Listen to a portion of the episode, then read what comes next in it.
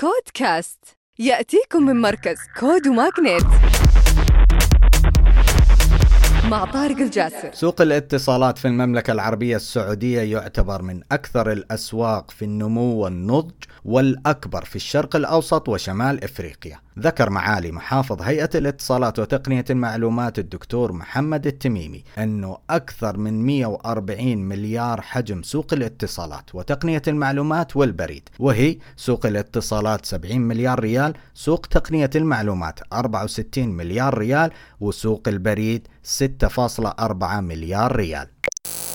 شركة Spider السعودية للمركبات الكهربائية الصغيرة اللي هي سكوترات أغلقوا جولة استثمارية pre-seed بقيمة 1.4 مليون دولار بدعم وثيق المالية وهالشركة توفر خدمات التنقل عن طريق سكوترات الكهربائية اللي تسمح للناس باستئجارها من خلال تطبيقات الهواتف وتصل سرعة هذه السكوترات من 20 إلى 25 كيلو متر في الساعة.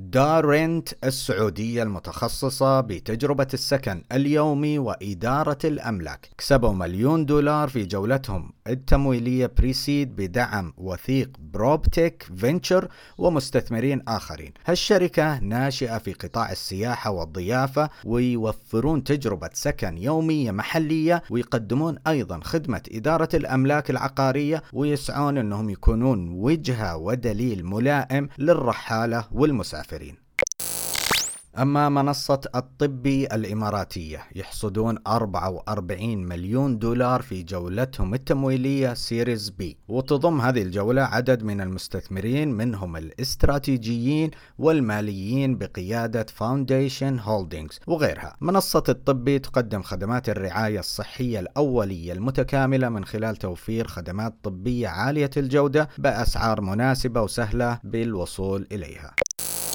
شركة Otida المصرية جمعوا 340 ألف دولار في مرحلة ال pre-seed بمشاركة Jedar Capital وشركة Lofty وغيرهم. Otida تطبيق مخصص لمرضى السكري. يوفر خدمات مثل خبراء التغذية مدربي اللياقة وأطباء لتكون منصة متخصصة ومبتكرة.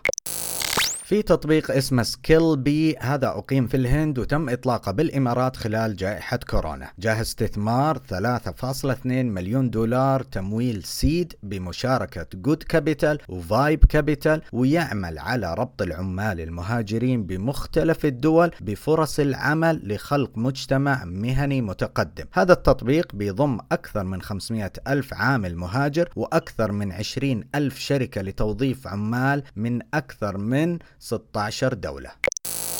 ختاما تذكروا أن الابتكار هو أصل الريادة. كودكاست